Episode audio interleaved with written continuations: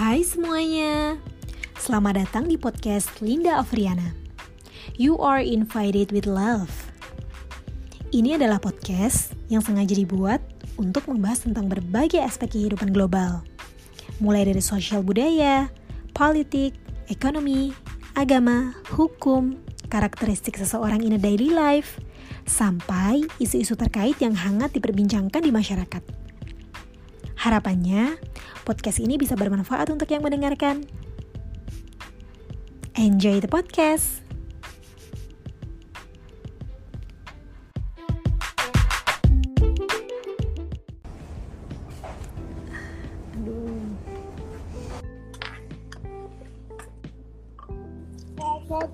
Mas Pram, ya Allah maaf Hai. ya tadi tiba-tiba koneksinya putus Gak sendiri. apa-apa.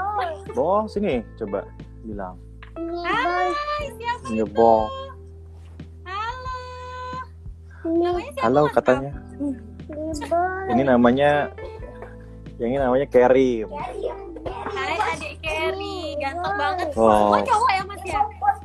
Iya, cowok semua. yang ini namanya Kalef. Ya kalau Hmm. kalian pengen jadi kayak papanya katanya ya, jadi public figure. Kalef mau jadi apa udah besar? Tahu. Belum tak. Waduh, duh, duh. Tahu. Rame ya Mas ya di rumah? Iya, lagi pada di rumah semua. Iya. Udah sama Mas kakak lagi sana. Kalau misalkan Eh. Hai hai.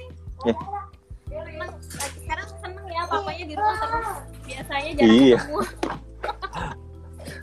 rame makanya ya ini apa ya priceless uh, moment sih karena sorry Iya. aku benerin dulu ini momennya mahal banget Bener. nggak semua Dan nggak bisa nggak bisa Eh. pulang ya Mas ya kalau sama anak itu.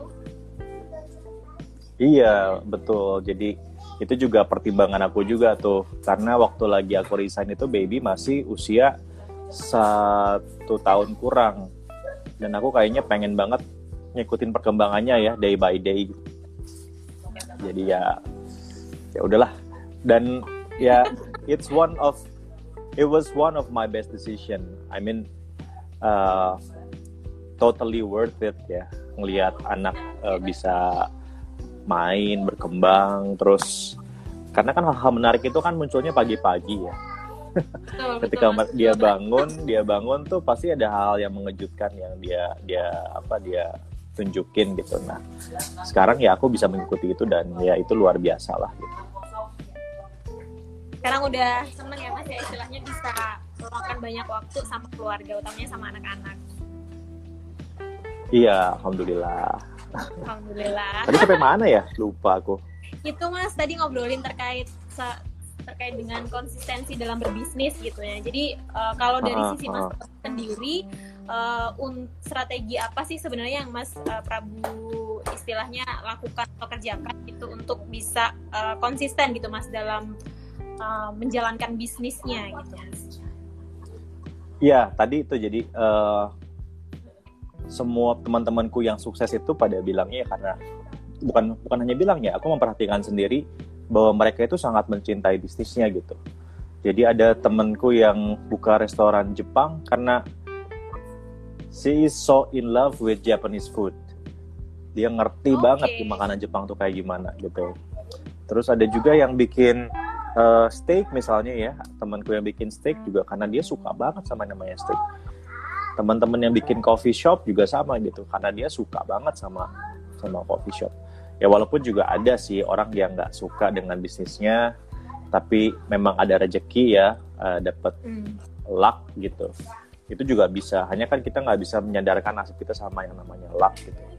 Jadi saranku sih ya mulai start dari apa yang paling kita bisa kita suka kita cintain gitu. Supaya apa? Supaya tahan banting. Karena kalau kitanya menyukai apa yang kita kerjakan eh, saat ada tantangan saat ada hambatan gitu ya kita bakal struggle gitu untuk bisa fighting for it gitu. nah itu juga yang jadi landasan aku bikin GoFit ID dulu kemarin gitu. Kenapa nggak langsung bikin uh, yang politik gitu ya atau jurnalism lah? Uh, karena waktu lagi aku resign kan aku fokusnya jadi beralih ke olahraga tuh. Ya, aku yeah. waktu itu memang punya punya latar belakang agak overweight, bukan agak ya, lumayan overweight. Uh, kemudian akhirnya masuk olahraga dan dari situ uh, merasakan perubahan ya pada hidup sendiri, pada tubuh sendiri dan saya jadi makin cinta sama diri sendiri gitu. Nah, uh, bikin bisnis apa ya gitu? Ya sekarang saya lagi sukanya olahraga gitu. Makanya ke kemudian bikin bisnisnya GoFit ID gitu. Jadi waktu lagi bikin GoFit ID itu ya mengembangkannya uh, benar-benar dengan apa yang saya pahami apa yang saya lakukan sehari-hari juga jadi di GoFit ID misalnya ngomongin tentang lari, ya saya ngerti banget tentang lari karena sekarang lagi lari gitu kan. Sekarang lagi tren sepeda, saya juga gelutin sepedanya dan jadi akhirnya ngerti ketika lagi ngomongin tentang sepeda. Uh, tentang hidup sehat ya sekarang juga lagi menjalankan hidup sehat. Jadi ya semua hal tentang uh, being fit ini ya sekarang adalah my daily life gitu dan itu yang bikin akhirnya uh, bertahan sama GoFit gitu. Dan, jadi kalau aku boleh kasih saran sih mulai dari apa yang kita suka gitu. Microsoft bisnis besar gitu. Ya Bill Gates memulai dari apa yang dia bisa. Dia adalah seorang programmer kan. Gitu. Juga Steve Jobs dengan Apple-nya, uh, Jack Ma dengan Alibaba-nya, dan juga yang lain-lain ya. Dia memulai dengan apa yang paling dia pahami, apa yang paling dia suka gitu. Gitu mungkin. Kita gini Mas Rap, kalau misalkan saya nanya nih uh, terkait dengan tantangan gitu, tantangan selama berbisnis tuh ada nggak sih Mas tantangan hmm. yang Mas Rabu hadapi itu yang paling signifikan gitu ketika berbisnis gitu? Mungkin bisa diceritakan di sini juga Mas. Selama membangun bisnis-bisnis yang sekarang sedang hmm. Mas Rabu fokus. Kalau sekarang sih ya jelas tantangan terberat adalah pandemi ya tapi yeah. ya kemudian ya kita bisa uh, bisa survive lah. Um, masa-masa sulit saya dalam berbisnis juga ada dia di antaranya gini waktu saya memulai bisnis itu kan ada yang sama partner ya ada yang sama partner. Uh, ada bisnis yang sama partner akhirnya pisah gitu. Nah itu juga berat tuh buat saya karena partner ini kan rata-rata uh, adalah teman awalnya ya. Tapi kemudian karena nggak sepaham atau ada perbedaan pendapat sehingga akhirnya nggak nggak jalan bareng lagi. Nah itu juga penting tuh mencari partner yang tepat dalam berbisnis. Uh, jadi partner itu harus harus complementary. Jangan yang hobinya sama, sukanya sama, kompetensinya sama gitu. Misalnya gini, um, cari partner, saya jagonya marketing gitu. Kemudian kita partneran sama yang jago marketing juga. Wah itu pasti bentrok gitu. Karena uh, kita yeah. berdua berdua sama-sama punya pemikiran tentang marketing. Jadi kalau saya marketing cari yang memang bisa di tempat yang lain, misalnya dia productionnya gitu ya, memang dia jagonya di produksinya. Lalu uh, bukan hanya saja kompetensinya, tetapi juga karakter gitu ya, karakter kan orang itu kan karakternya beda-beda ya, uh, beda-beda yeah. gitu. Jadi kalau orang yang memang punya leadershipnya tinggi, ya jangan gabung sama yang punya leadershipnya tinggi juga gitu karena nanti akan sama-sama pengen ngelit timnya kan memang ada partner yang iya, iya. dia nyaman dengan jadi support uh, apa supporter ya atau sportif gitu jadi harus partner itu harus kawin gitu harus kawin banget ya jangan sama kayak cari pasangan lah harus cocok harus iya. iya jadi partner partner juga nggak harus jadi nggak harus temenan maksudnya gini jadi partner itu nggak harus teman dekat ya karena kadang-kadang kan banyak bisnis yang berawal dari teman dekat sahabatan yeah, yeah. kemudian bikin bisnis bareng yuk gitu nah itu bukannya bukannya pasti gagal ya enggak saya nggak bilang kayak gitu tapi saat dua orang sahabat atau tiga orang sahabat ya berpikir untuk bikin bisnis sebelum memutuskan iya ini tiga-tiganya harus sama-sama self evaluation dulu gitu. Ini karakternya apa nih masing-masing bertiga? Saling melengkapi enggak gitu. Kalau nggak saling melengkapi, ntar pasti bubar dan itu menyakitkan banget ya. Nah dari situ saya belajar untuk cari partner yang uh, yang melengkapi gitu. Sekarang saya sama partner saya di GoFit misalnya, nggak teman dekat kok gitu, temennya teman biasa, tapi malahan yeah. lebih melengkapi gitu. ya dibandingkan dengan dulu yang awal-awal itu teman dekat tapi malah jadi bubar gitu itu juga penting tuh untuk mencari partner yang tepat jadi cari partner yang tepat uh, adalah salah satu poin penting ya Mas untuk memulai bisnis supaya bisnisnya itu bisa konsisten dan juga berkembang gitu.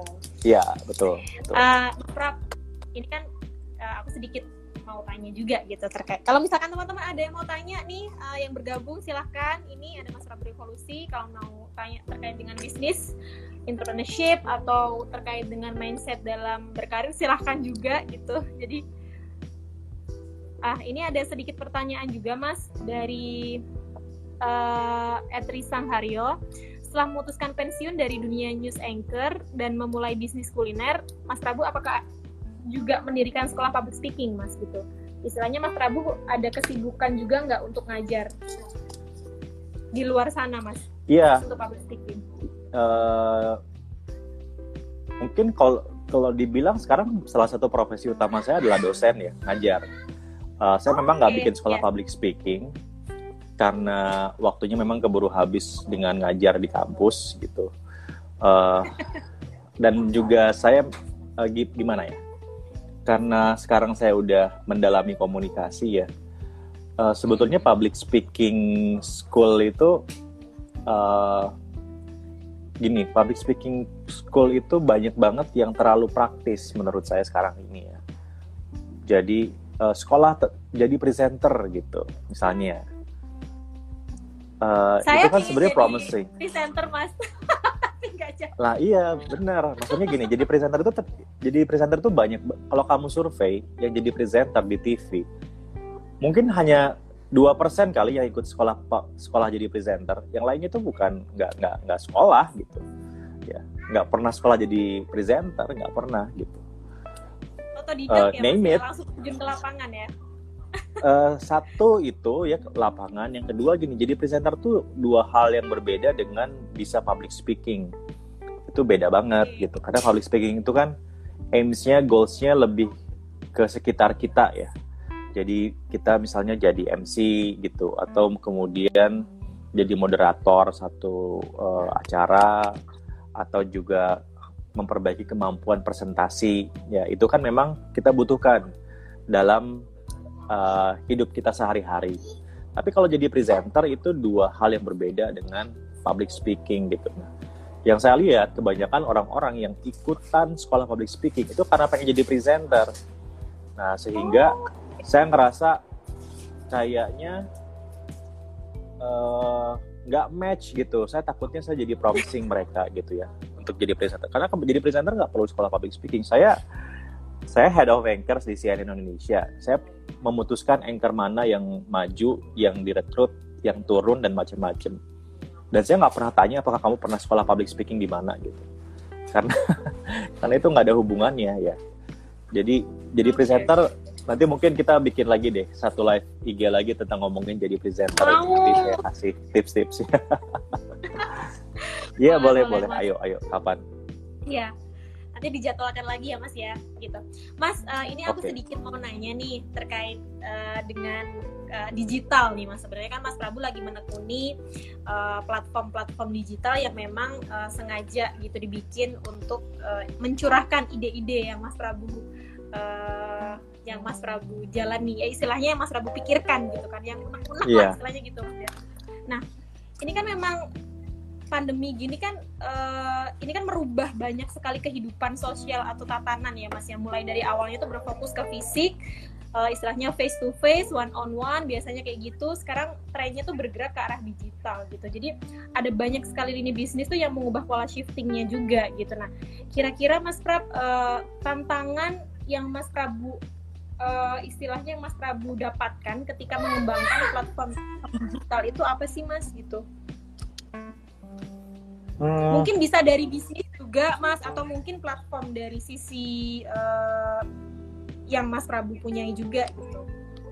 Bisnis juga boleh, terus kayak pemikiran yeah. Mas Prabu biasanya kan Prabu kalau ada unek-unek apa kan kayak kemarin bikin uh, curahan hati tentang omnibus law gitu. Jadi langsung diupload di Instagram dan juga di uh, YouTube gitu itu kan pasti harapannya kan dapat feedback dari orang-orang kan mas gitu lah mungkin tantangannya tuh apa sih mas? Gitu kayak gitu. apa kira-kira mas? Trap silahkan di jawab sebetulnya gini sebetulnya gini. Sekarang ini digital uh, adalah media yang bisa jadi alternatif buat siapa pun yang ingin tadi ya yang jadi presenter lah kemudian yang ingin menunjukkan bakatnya potensinya dan macam-macam gitu. Um, tapi masalahnya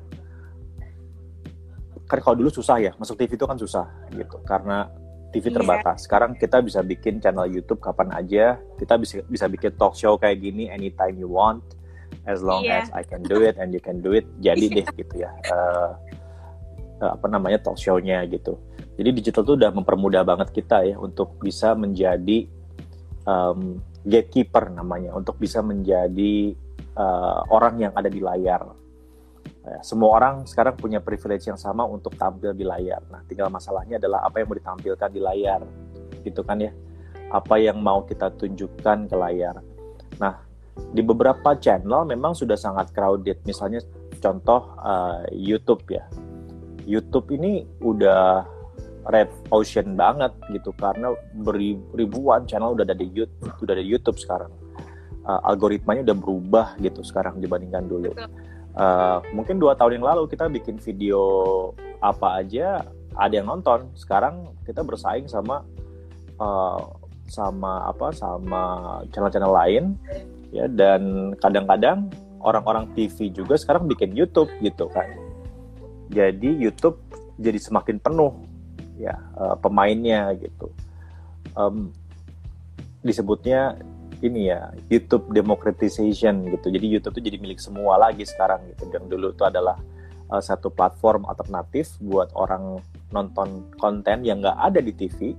Sekarang orang TV-nya pindah ke YouTube. Dan yang lebih parah lagi, YouTube-nya dibawa iya. ke TV. iya benar. YouTube-nya dibawa ke TV juga.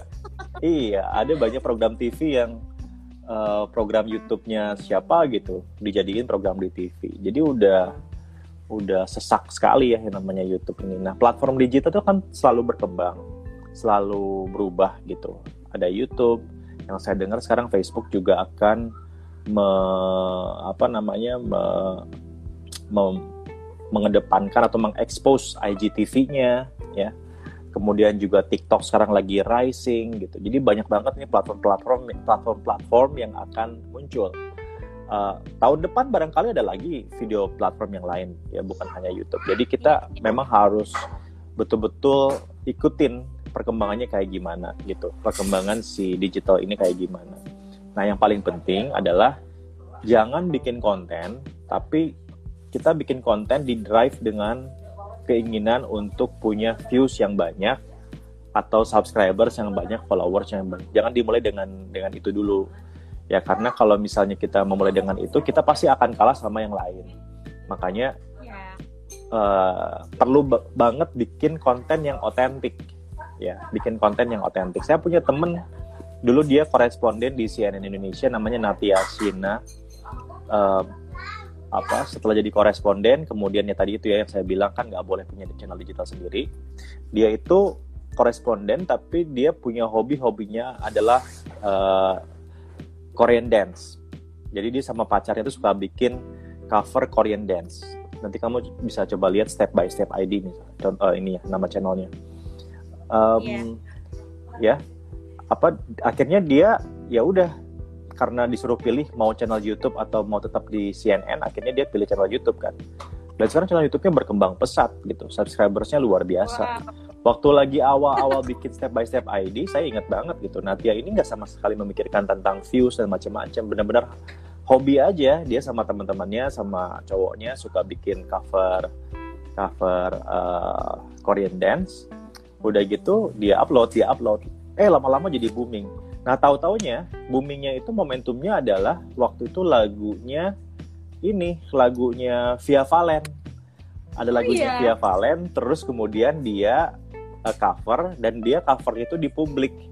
Jadi dia datang ke Monas, di Monas lah dia ngedance-nya sama teman-temannya. Ya, ya, Orang-orangnya pada nonton. Iya betul, orangnya pada nonton. Nah, itu ya itu yang saya sebut konten yang otentik gitu. Jadi kadang-kadang kita kan kontennya tuh sudah niru ya. oh bikinnya kayak gini bikinnya kayak gini nah harusnya jangan gitu si konten digital itu harus harus menunjukkan uh, kamu banget aku banget gitu nah, sebenarnya kamu itu apa sih ya sekarang bahkan ada konten apa ada channel yang hanya isinya tutorial makeup atau review alat-alat makeup tapi udah jutaan subscribersnya ya sebagai contoh gitu. Yeah. jadi jadi betul-betul harus nyari tahu apa konten yang otentik dari kamu yang bisa kamu tunjukin sama orang. Dan niatnya udah sharing aja dulu. Jangan dulu hmm. niat wah ntar gue pengen dapet subscribersnya kayak kayak kayak si ini kayak si itu viewsnya segini segitu. Kalau kayak gitu stres karena iya. apalagi dengan algoritma iya apalagi dengan algoritma yang sudah berubah ntar bikin video viewsnya sedikit ya nggak semangat lagi deh gitu jadi niatnya ya udah ini aja hajar aja gitu hajar aja ya, dulu kemarin, ya Hmm, nah ini kan September ini kan aku mulai lagi bikin konten YouTube terus setelah sekian lama nggak bikin konten YouTube yang serius ya. Ya memang passionku kan di jurnalistik gitu, uh, di Betul. apa di di komunikasi, di pemberitaan. Ya udah mulai dulu mulai lagi aja dari situ gitu. Uh, mau ada viewsnya mau enggak mau gimana ya bodo amat deh pokoknya bikin dulu kontennya gitu. dan ngerasain growthnya kayak gimana um, growth apa konten yang pertama itu mungkin kayak kayak apa subscribersku di YouTube itu kaget gitu loh kok Prabu bikin konten serius awalnya kan konten di Prabu Revolusi TV itu konten keluarga ya konten yeah. keluarga gitu kayak saya Lebaran apa Karim Kalef Kaisar gitu kan mas, ya? lebih ke keluarga gitu keluarga. Ya. benar nah sekarang yang keluarga tuh udah dipindahin ke channel yang lain namanya Buzi Buzi channel ya mam ya Buzi channel namanya Nah, sayanya sendiri sekarang uh, nge, ngebikin channel si Prabu Revolusi TV itu lebih ke saya gitu. Uh, ya saya kan di jurnalistik ya saya mau bikinnya di situ gitu. Konten pertama itu kayak yang wah kok nggak ada yang nonton gitu ya. Tapi ya udah nggak apa-apa bikin aja terus gitu. iya, iya.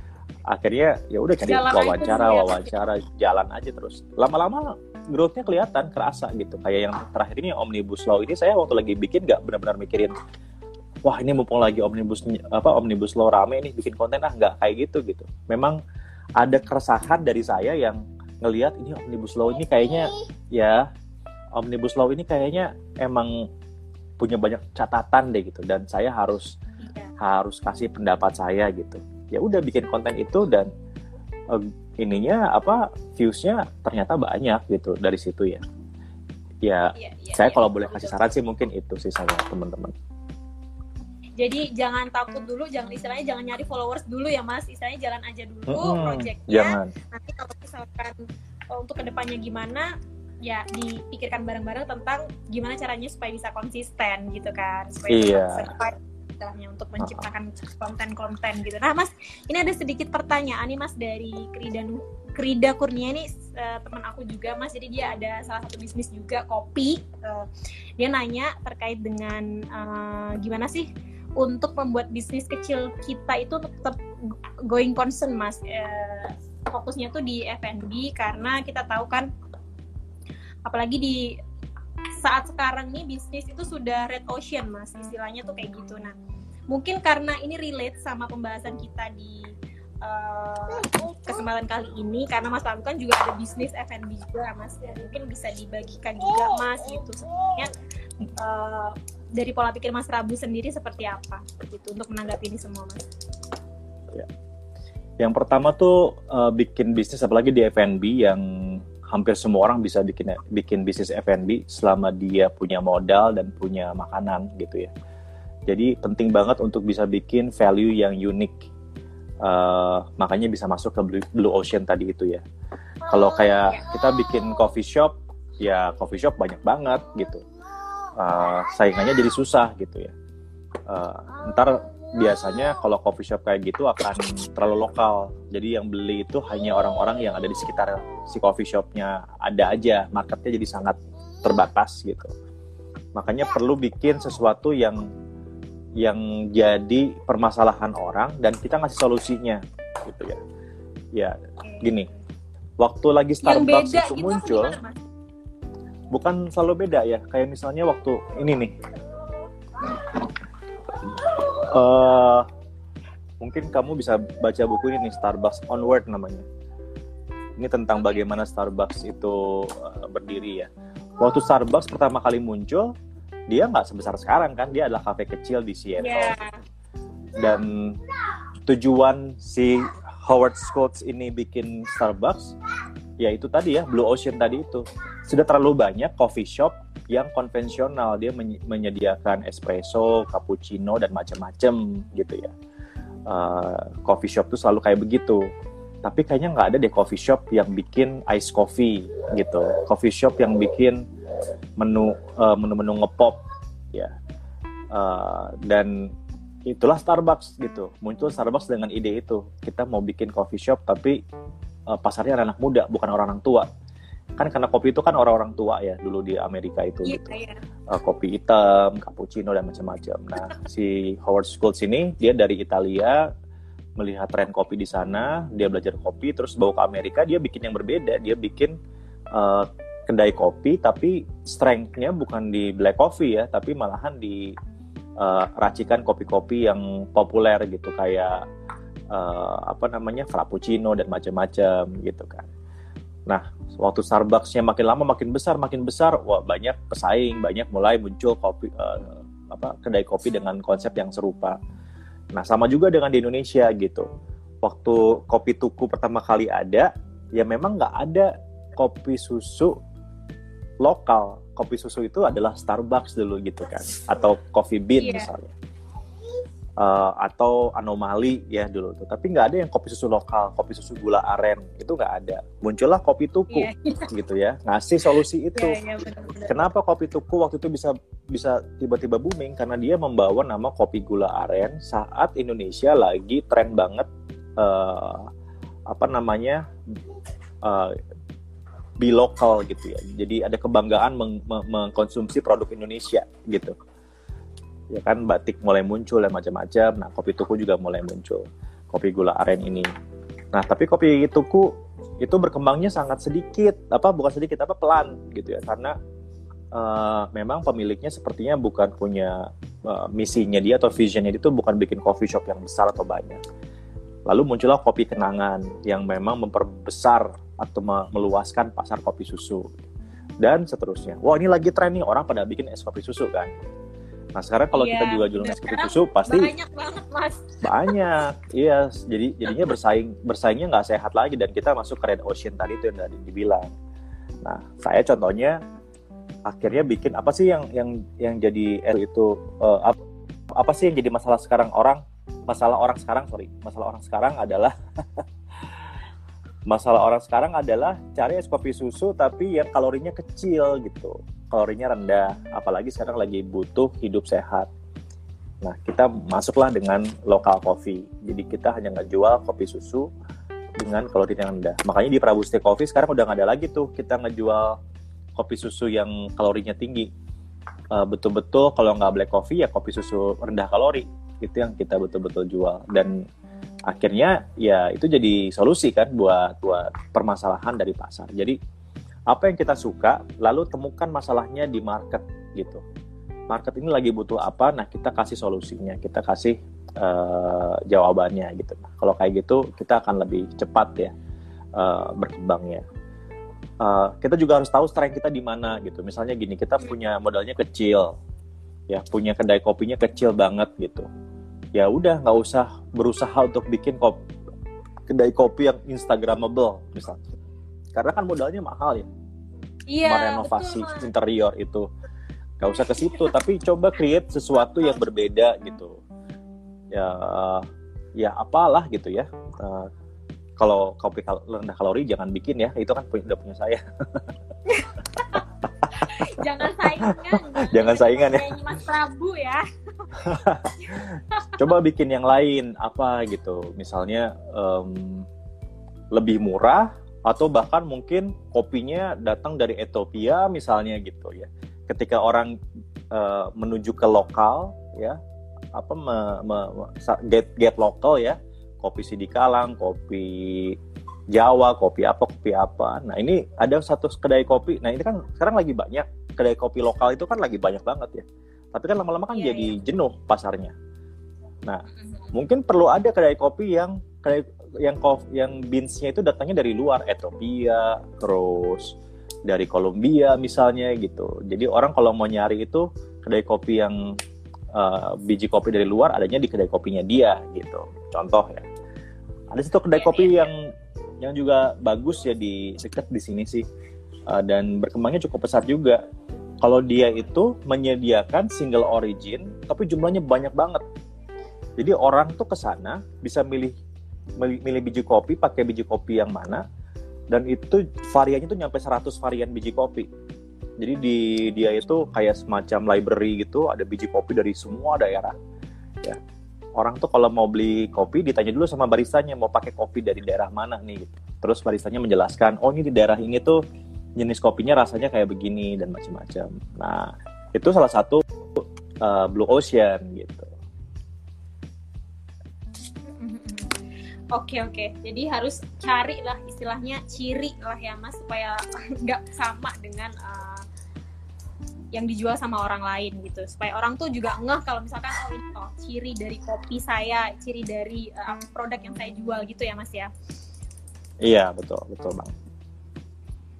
Oke Mas Prap, ini ada sedikit pertanyaan juga dari Bisnis Bimo. Jadi uh, Mas Bimo ini nanya sebaiknya berapa Mas presentasi budget promosi dan juga produksi pada saat memulai bisnis gitu? Apakah harus uh, 50% 50% gitu untuk uh, alokasinya gitu Mas? Kalau dari Mas Prap Sekarang sendiri ini- gimana? iya. Sekarang sebetulnya kalau buat budget promosi itu sudah semakin berkurang ya karena ada platform digital kan. Uh, Ya, ya, sudah ada platform digital jadi kita bisa lebih murah dalam beriklan atau mempromosikan bisnis kita. Eh, kalau dulu itu kan budget marketing itu sekitar 10 sampai 20 persen ya dari eh, modal itu kita eh, appointing buat marketing cost. Sekarang harusnya jadi lebih rendah. Eh, kayaknya sekarang tuh lebih orang-orang lebih gini karena behavior orang tuh lebih mudah mencari informasi sehingga yang perlu kita lakukan adalah membuka informasinya itu aja sih. Kalau dulu tuh kan kita harus ngasih informasi, jadi kita harus aktif ngasih Yes. informasi ya ke ke market gitu, karena orang susah cari informasi kan. Satu-satunya cara beriklan kalau nggak lewat koran, lewat pamflet, lewat televisi gitu. Dan itu mahal harganya. Nah sekarang Mahal, bisa lewat sosmed, TV. Iya benar sekarang bisa lewat besar. sosmed, bisa lewat mana-mana. Betul, betul banget gitu. Eh banyak banget sekarang caranya gitu. Eh, beberapa ba- eh, ini Zizi sama saya sekarang suka ngebuka eh, untuk makanan itu kita pokoknya eh, siap bantu endorse lah kata gitu. Karena apa? Karena ya kita pengen bantu teman-teman yang mau jualan ya. Eh, ya contohnya kayak gitu memanfaatkan eh, endorser atau influencer gitu kalau punya teman yang memang followersnya banyak ya dibaik-baikin deh jangan dijahat-jahatin gitu baik-baikin Iya, Kasih- iya, iya, kasih ini nah itu budget ya, marketingnya kayak ya. gitu sekarang iya oke. Makanya Iya, tadi iya, kalau iya. tahu kamu mau beli kopi saya kasih kopi deh Nggak apa-apa, dibaik-baikin ini Mas Prab, eh, aku kan juga Yes. melihatnya kalau misalkan eh, Kak Zizi itu bisnisnya sekarang kan kan eh, beda nih Mas eh, konteks bisnisnya kan lebih ke clothing ya kalau Kak Zizi ya Eh, lebih ke baju Iya. gitu kan. Mas Prabu Mm-mm. kan F&B. Nah itu kira-kira Mas untuk build semangat kemudian pola pikir istilahnya gimana Mas antara dua kepala itu dalam menjalankan keduanya gitu. kan ini dua lini bisnis yang Hmm. beda nih Mas. ya kita berdua syukurnya gini eh, itu tadi ya yang ngomongin partner tadi itu gitu Zizi juga kan jadi partner bisnis saya juga saya hitungnya kayak gitu Ya, ya, ya. Eh, Seru nggak mas ya. eh, bisnis sama istri sendiri? seru dong karena Seru ya Karena kebet- ya. Karena komplementary jadi sa- Ya. saya itu memang punya bakat leading gitu ya. Dan Zizi itu lebih uh, she is good on supporting gitu. Jadi kami itu berdua tuh nggak nggak nggak apa ya nggak saling uh, nggak saling berperan pada peran yang sama nggak kayak gitu gitu. Jadi melengkapi lah. Uh, Zizi Project dengan uh, clothing lainnya kayak contohnya kayak Zizi Project gitu. Uh, di pandemi ini kan konsumsi orang untuk beli fashion tuh menurun ya jauh.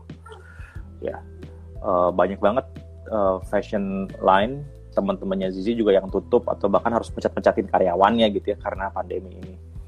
Nah tapi kita nggak tinggal diem malahan sekarang ini kita berinovasi dengan membuat masker olahraga gitu. Karena orang lagi ngetren olahraga kan lagi sering olahraga untuk bisa Iya. meningkatkan daya daya tahan tubuh. Nah tapi gimana caranya olahraga supaya nyaman pakai masker? Biasanya kan orang kalau olahraga itu maskernya digantung doang nih di sini ya di apa di leher gitu. Karena kan eh, sesak ya atau engap gitu kalau pakai masker. Nah kita ngerancang masker yang memang ditujukan untuk olahraga bukan untuk daily daily wear ya. Betul-betul untuk olahraga. Dari bahannya beda jadi kalau pakai masker yang bahan kain kalau kita olahraga itu kan pasti basah tuh si maskernya. Dan karena Iya. basah akhirnya kan bakterinya jadi nempel. Nah kita develop satu bahan yang disebutnya dry fit ya. Jadi kalau keringet dan kena matahari itu langsung nguap keringetnya gitu. Jadi lebih kering si bahannya. Lalu ada ventilatornya juga. Jadi masker ini kita klaim sebagai masker olahraga eh, buat eh, orang Indonesia gitu nah yang ini laku banget gitu ya alhamdulillah jadi clothing lainnya eh, eh, agak kita rem dulu ya produksinya karena nggak akan banyak orang beli ya di masa pandemi kayak gini orang kan ketika masa pandemi itu akan memikirkan ulang ya untuk membeli produk-produk yang tidak eh, tidak terlalu utama gitu. Sekarang kan yang utama itu kan pasti makan, ya Iya. makan, eh, data, ya internet itu utama gitu.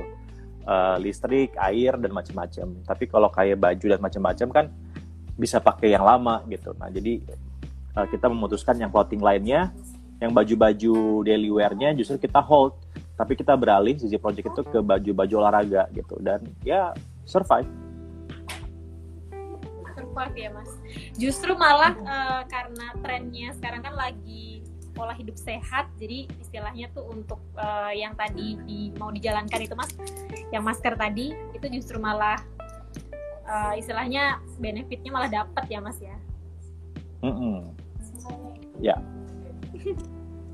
Iya, Mas Prab, kalau boleh aku nanya nih, eh, kira-kira untuk bisnis bisnis yang sedang Mas Prabu jalankan sekarang ini nanti ke depannya tuh akan diperluas seperti apa, Mas? Apakah ada inovasi-inovasi baru lagi gitu, atau mungkin adakah eh, rencana untuk eh, melakukan eh, apa ya istilahnya cari orang untuk eh, jadi partner atau mungkin mengembangkan bisnisnya dengan mencari investor dan lain sebagainya gitu, Mas? Apakah ada rencana-rencana seperti itu? Eh, ya, sekarang eh, mungkin yang GoFit, yang GoFit ID itu eh, kita lagi mengembangkan untuk jadi sport commerce pertama di Indonesia. Jadinya orang kalau mau cari bukan hanya cari informasi tapi cari barang, cari event, cari pelatih, cari tiket yang berhubungan sama olahraga dan gaya hidup sehat itu adanya di GoFit nanti. Nah, kita lagi develop sistemnya. Iya, iya. Terus sih mas, sebenarnya Seru Eh, banget. seru banget asli ya. Tapi mas kalau aku lihat mas Prabu sekarang nih, sebenarnya mas ada nggak sih mas eh, keinginan itu untuk merubah? Ada, mas, istilahnya tuh ada nggak sih yang berubah gitu dari sisi mas Prabu itu secara personal dari dulu sampai sekarang? Eh, kalau perubahan kan udah pasti ya mas ya, tapi lebih ke mungkin karakter apa yang paling mas Prabu improve gitu mas? Yang paling mas Prabu improve eh, sehingga bisa ada di posisi sekarang dan seberani sekarang untuk mengambil jalan berwirausaha gitu. Yang pertama sih, I think I'm more happier than before. Lebih bahagia. Iya, Karena lebih bahagia, jadi lebih positif berpikirnya, lebih eh, punya semangat juga ya untuk bikin karya macam-macam. Karena ya hidupnya menyenangkan gitu ya. Jadi hidupnya menyenangkan, enjoying Eh, life ya mas ya. Iya betul gitu. Jadi saya tuh bikin mem- memikirkan bahwa semua aktivitas saya mau bisnis, mau ngajar, mau olahraga, mau bikin YouTube gitu ya, itu harus membahagiakan saya gitu, nggak boleh bikin saya pusing. Jadi eh, kalau ada yang berubah dari saya sekarang itu gitu ya. Dulu waktu waktu masih di newsroom, wah newsroom itu kan memang hektik banget ya, sangat hektik dan juga eh, apa pressure-nya kan sangat tinggi uh, susah buat bahagia di sana. Karena karena ya memang cara cara kerja jurnalis ya kayak gitu. Coba kamu lihat jurnalis yang Iya. ada di Indonesia gitu kan. Pasti semuanya serius-serius gitu. Kenapa? Karena memang pekerjaannya serius. Kalau ada jurnalis yang nggak serius dan apa ada ya terlihat bahagia gitu biasanya tuh bukan jurnalis top biasanya biasanya jurnalis yang baru-baru muncul ya, gitu ya. Uh, uh, tapi kalau yang udah betul-betul serius sebagai jurnalis itu susah mau bahagia karena kita terlalu banyak tahu informasi yang publik ya. nggak tahu. Betul kita terlalu banyak tahu informasi yang publik nggak tahu. Kita yang pertama kali tahu pressure untuk menyampaikan informasi yang benar. Kadang-kadang kan informasi yang benar itu kan intervensinya banyak ya dari sana dari sini dari macam-macam gitu. Wah pressure-nya tinggi banget dan susah ya untuk bisa bisa bahagia gitu ya yeah, that's why saya selalu bilang gitu ya ya kalau mungkin kalau saya nggak ngambil keputusan untuk berhenti dulu kemarin ngambil jeda dulu yeah. saya kayaknya bisa jadi nggak jadi sebahagia sekarang gitu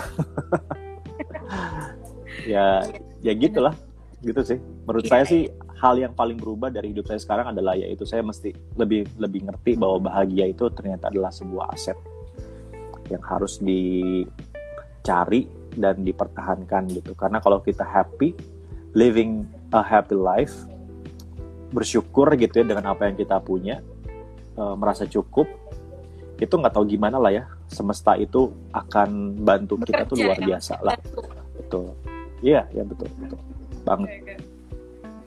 Ya, ya, ya. Mas Prab, ini ada sedikit uh, pertanyaan. Balik lagi ke GoFit tadi. Sebenarnya berbasis mm -hmm. aplikasi atau iOS kah Mas nanti ke depan untuk uh, project GoFitnya gitu. Jadi mungkin lebih yeah. digitalisasinya yeah, Mas gitu. Iya, betul. Sekarang sih lagi develop. Mudah-mudahan akhir tahun sudah selesai sekarang sudah ada commerce-nya tapi masih manual, masih menggunakan uh, apa uh, WhatsApp sama menggunakan Instagram dan Facebook ya. Uh, kita mulai masuk ke digital uh, itu ke virtual run sama race. Nah kita lagi develop sistem untuk virtual run dan uh, untuk develop sistem virtual race. Nah akhir tahun baru kita masuk ke sport commerce. Oke, jadi nanti uh, istilahnya tuh masyarakat bisa langsung download ya mas untuk aplikasinya dan juga bisa langsung menggunakannya ya mas ya? Iya betul. Jadi pokoknya semua hal yang berhubungan sama olahraga sama gaya hidup sehat itu harus ada di GoFit gitu. Jadi kalau misalnya kamu lagi nyari uh, saya kayaknya lagi perlu diet nih gitu. Nah cari makanan sehat tuh di mana? Ya udah di GoFit aja. Nah gitu mau cari sepatu nih gitu sepatu olahraga yang paling pas di mana ya ya di GoFit ada semuanya di GoFit ada ada pokoknya yang berhubungan dengan olahraga itu ada di situ menarik sekali Mas Prabu penjelasan penjelasannya juga jawaban jawabannya gitu mungkin Thank gini you. Mas aku akan sedikit mengulik terkait dengan mindset uh, Mas Prabu dalam berkarir gitu istilahnya kan dulu kan udah sangat profesional gitu Mas di dunia jurnalistik gitu kan udah sampai 14 sampai 15 tahun gitu prinsip uh, atau uh, moto hidup Mas Prabu yang Mas Prabu pegang dari dulu sampai sekarang tuh apa sih Mas kira-kira gitu? Be kind. Be kind. itu aja sih. Oke. Okay. Cukup. Itu aja udah ya, susah. ya Mas, be kind tapi iya. susah untuk diaplikasikan ya. Be kind. Waktu kita jadi waktu kita berbuat baik, jangan juga berharap bahwa orang akan berbuat baik yang sama ya. Saya sering banget maksudnya uh, I think I apa ya I I I had a uh, a good effort to to help people but uh, kemudian lupa gitu ya. Nah itu nggak kenapa-napa, biarin aja gitu. Makanya yang paling penting itulah be kind, be kind because we need to be kind gitu. Karena yang bisa be kita ambil itu ya sekarang hidup ini. Oke. Okay. Mm -hmm. Jadi baik itu ya memang kita be kind, be kind, be kind, but we need to be kind. Ya bener sih.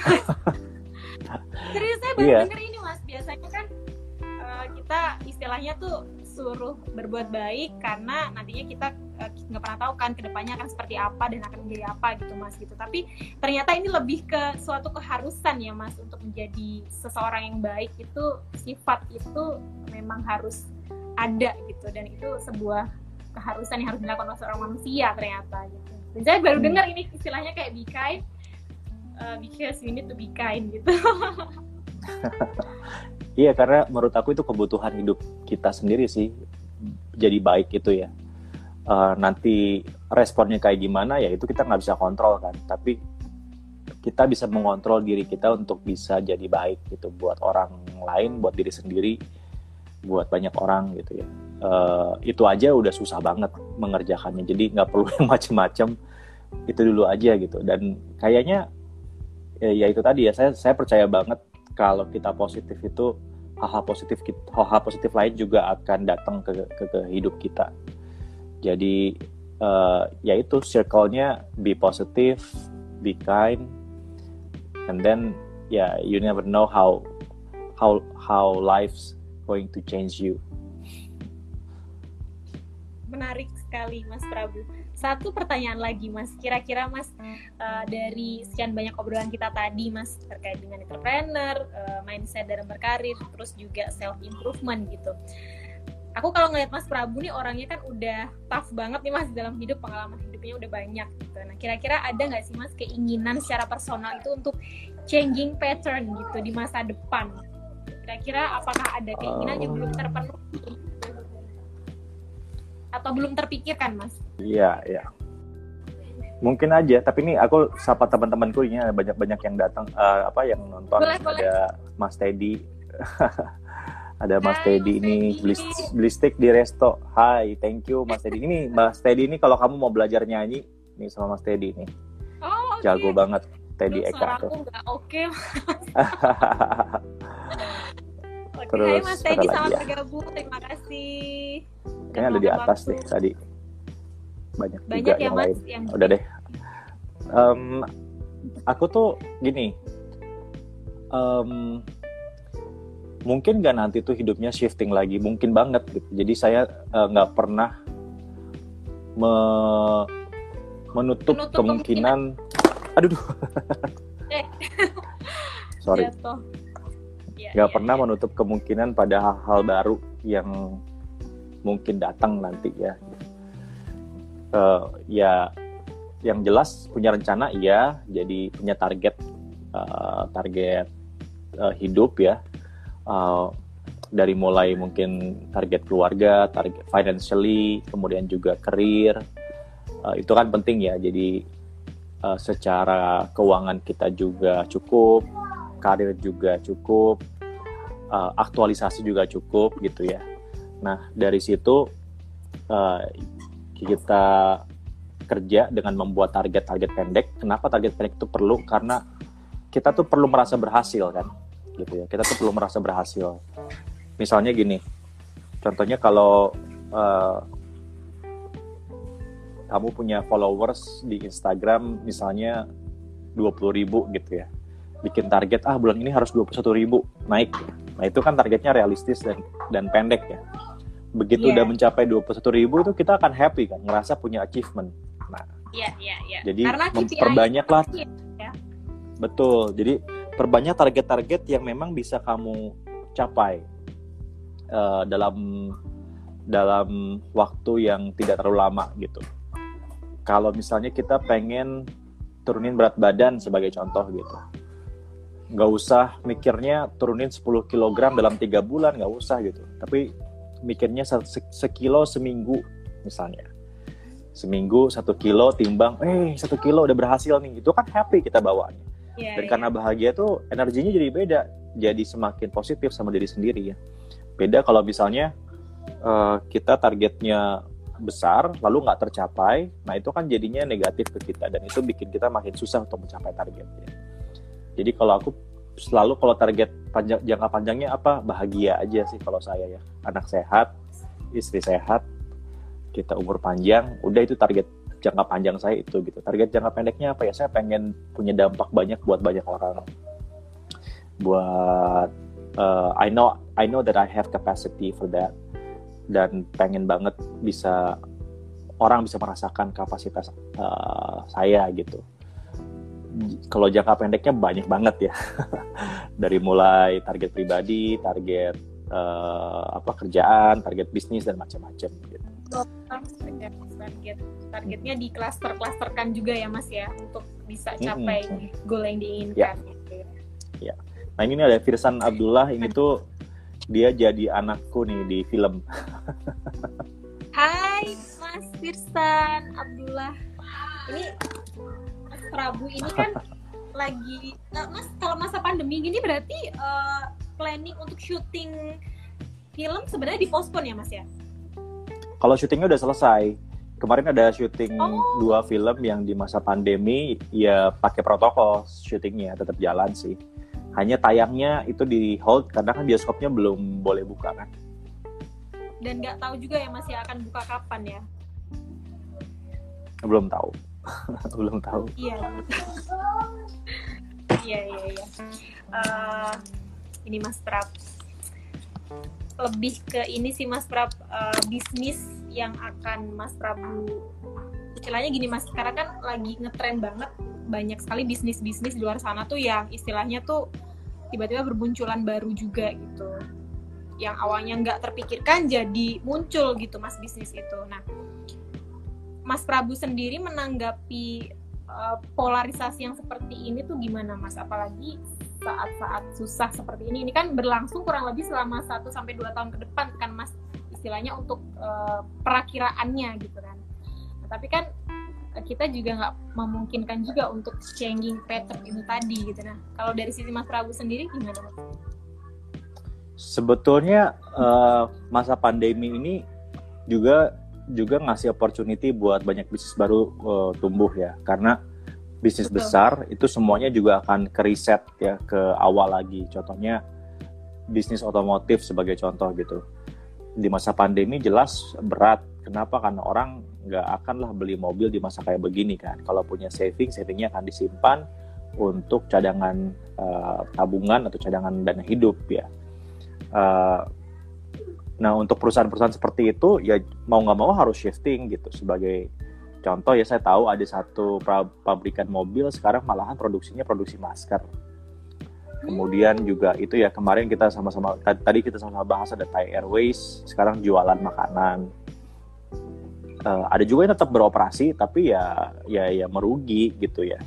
Jadi kalau Iya. saya ngelihat gini di masa pandemi ini ini adalah tantangan tapi juga jadi opportunity buat banyak pengusaha karena brand besar sekarang lagi ketarik lagi ke bawah untuk memulai semuanya dari nol.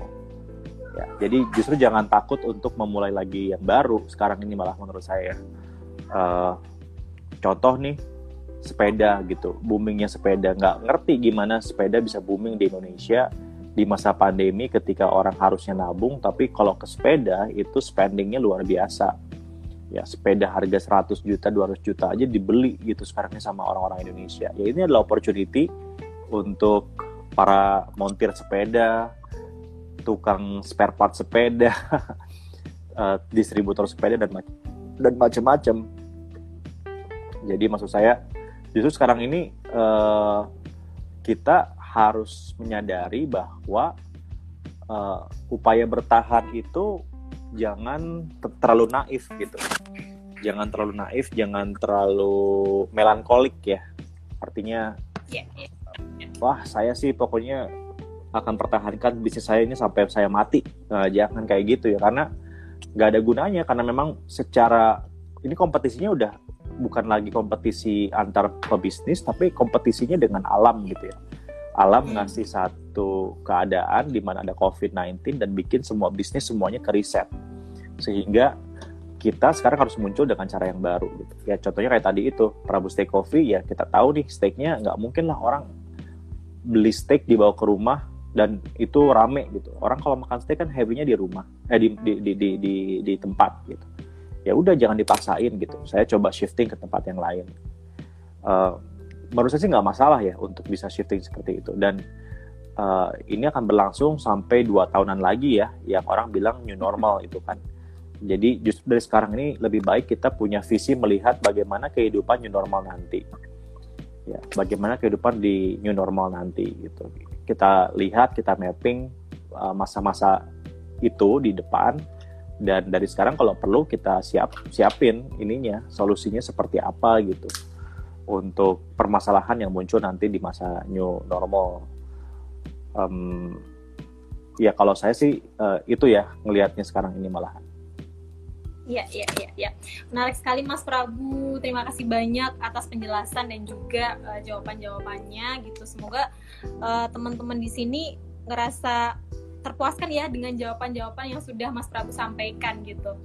Sebenarnya gini Mas, aku Makasih. juga mau iya mau nanti adalah Mas keinginan untuk ngobrol lagi terkait dengan public speaking. Cuma nanti mungkin di next session ya Mas ya. Asik. Ayo, ayo, ayo. Kapan-kapan ya kita janjian. Kita ngobrol. Iya, kita janjian. Iya, eh, kalau boleh aku simpulkan, Mas, kalau misalkan eh, untuk ber apa ya istilah dari diskusi kita tadi, istilahnya kalau misalnya kita mau berwirausaha, istilahnya kita harus mempersiapkan dulu eh, start with why-nya itu harus jelas dulu, kemudian kayak kita juga harus eh, istilahnya ngelihat ke depan itu harus seperti apa, terus harus mengikuti uh, tren dan juga istilahnya tuh harus beda gitu ya mas ya dari bisnis bisnis lain supaya kita punya ciri gitu untuk dikenal di customer kita atau calon pembeli kita gitu seperti itu Yes. tuh mas ada yang nanya mas Prabu sekarang kerja di mana sih kok di CNN nggak pernah kelihatan lagi udah resign sekarang fokus Iya. berwirausaha Udah dijawab tadi. ya kalau ya kalau teman-teman eh, itu mas kalau teman-teman ingin istilahnya tuh membeli produk dari mas yang dijual dari bisnisnya mas Prabu silahkan datang ke Prabu Steak and Coffee. Ada lokasinya di Tebet dan juga di Keramat Pela ya mas ya di Kebayoran. Terus juga silahkan kalau ingin konsumsi makanan-makanan sehat boleh juga eh, membeli di GrabFood atau di Shopee itu di warung.fit gitu kan di Instagram itu ada dan itu langsung connect di WhatsApp-nya. Uh, di situ juga ada kopi dan lain sebagainya semuanya sehat aku udah nyobain semuanya gitu. Jadi uh, semoga Mas Prabu harapannya bisnis yang dijalankan atau proyek-proyek ke depannya itu yang ingin uh, difokuskan itu berjalan dengan lancar dan aku mau ngucapin terima kasih banyak hari ini karena dikasih kesempatan untuk ngobrol secara lebih dalam gitu soal uh, kehidupan Iya, makasih ya. Jalan era teknologi ini iya salam buat Kak Zizi ya uh, Mas Prabu semoga Oke. boleh nggak di next session aku uh, ngundang Kak Zizi Boleh dong. Mam ntar diundang mau nggak? boleh ya Siap katanya. siap ya oke Iya. nanti deh Boleh, uh, boleh. kita jadwalkan makasih banyak ya Mas Prabu kesempatannya semoga sehat Oke. selalu Mas sehat selalu Oke. Dan- Amin. Kamu juga ya. ya ya Mas bye bye Mas Prabu